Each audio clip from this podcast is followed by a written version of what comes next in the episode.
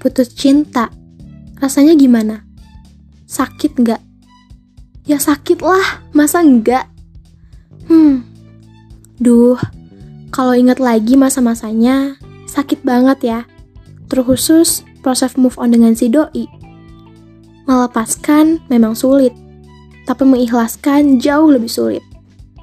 Kamu belum tentu bisa melepaskannya kalau belum ikhlas dengan kepergiannya. Percaya deh, dengan the power of keikhlasan, kamu pasti bisa move on. But well, aku pun pernah merasakan di titik itu. Titik di mana rasanya dunia dan segala isinya hancur. Haha, lebay ya. Tapi jujur, kalian juga gitu kan? Ayo jujur, ngaku kalian. Masa-masa setelah putus dengan doi itu, tiap hari rasanya hambar. Makan gak enak, main gak seru, Ngobrol pun jadi nggak mood.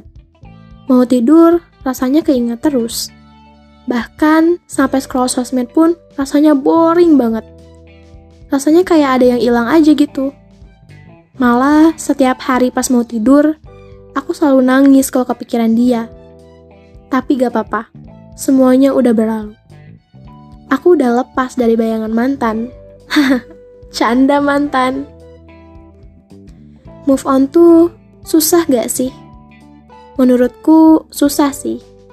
Apalagi dengan segala kenangan yang kamu dan mantan miliki. Pasti ada aja memori yang spesial buat kamu. Makan berdua di warung pecel lele misalnya. Hahaha. Sedih boleh. Tapi jangan berlarut-larut ya. Hidup kamu itu bukan selalu tentang dia. Ada masanya kamu harus sendirian. Dan artinya Tuhan tahu kamu mampu sendirian. Be independent person. Itu kata kakak sayanganku. Ayo improve dan bahagiakan dirimu. Seringkali kamu sampai lupa kan mencintai diri sendiri karena terlalu mencintai dia. Nah, it's time to give a break for yourself. Come on girls and boys. Hidupmu akan jauh lebih berwarna jika kamu bisa mengeksplor diri kamu. Kayak lirik lagu JKT48 yang judulnya Buah di Masa Depan.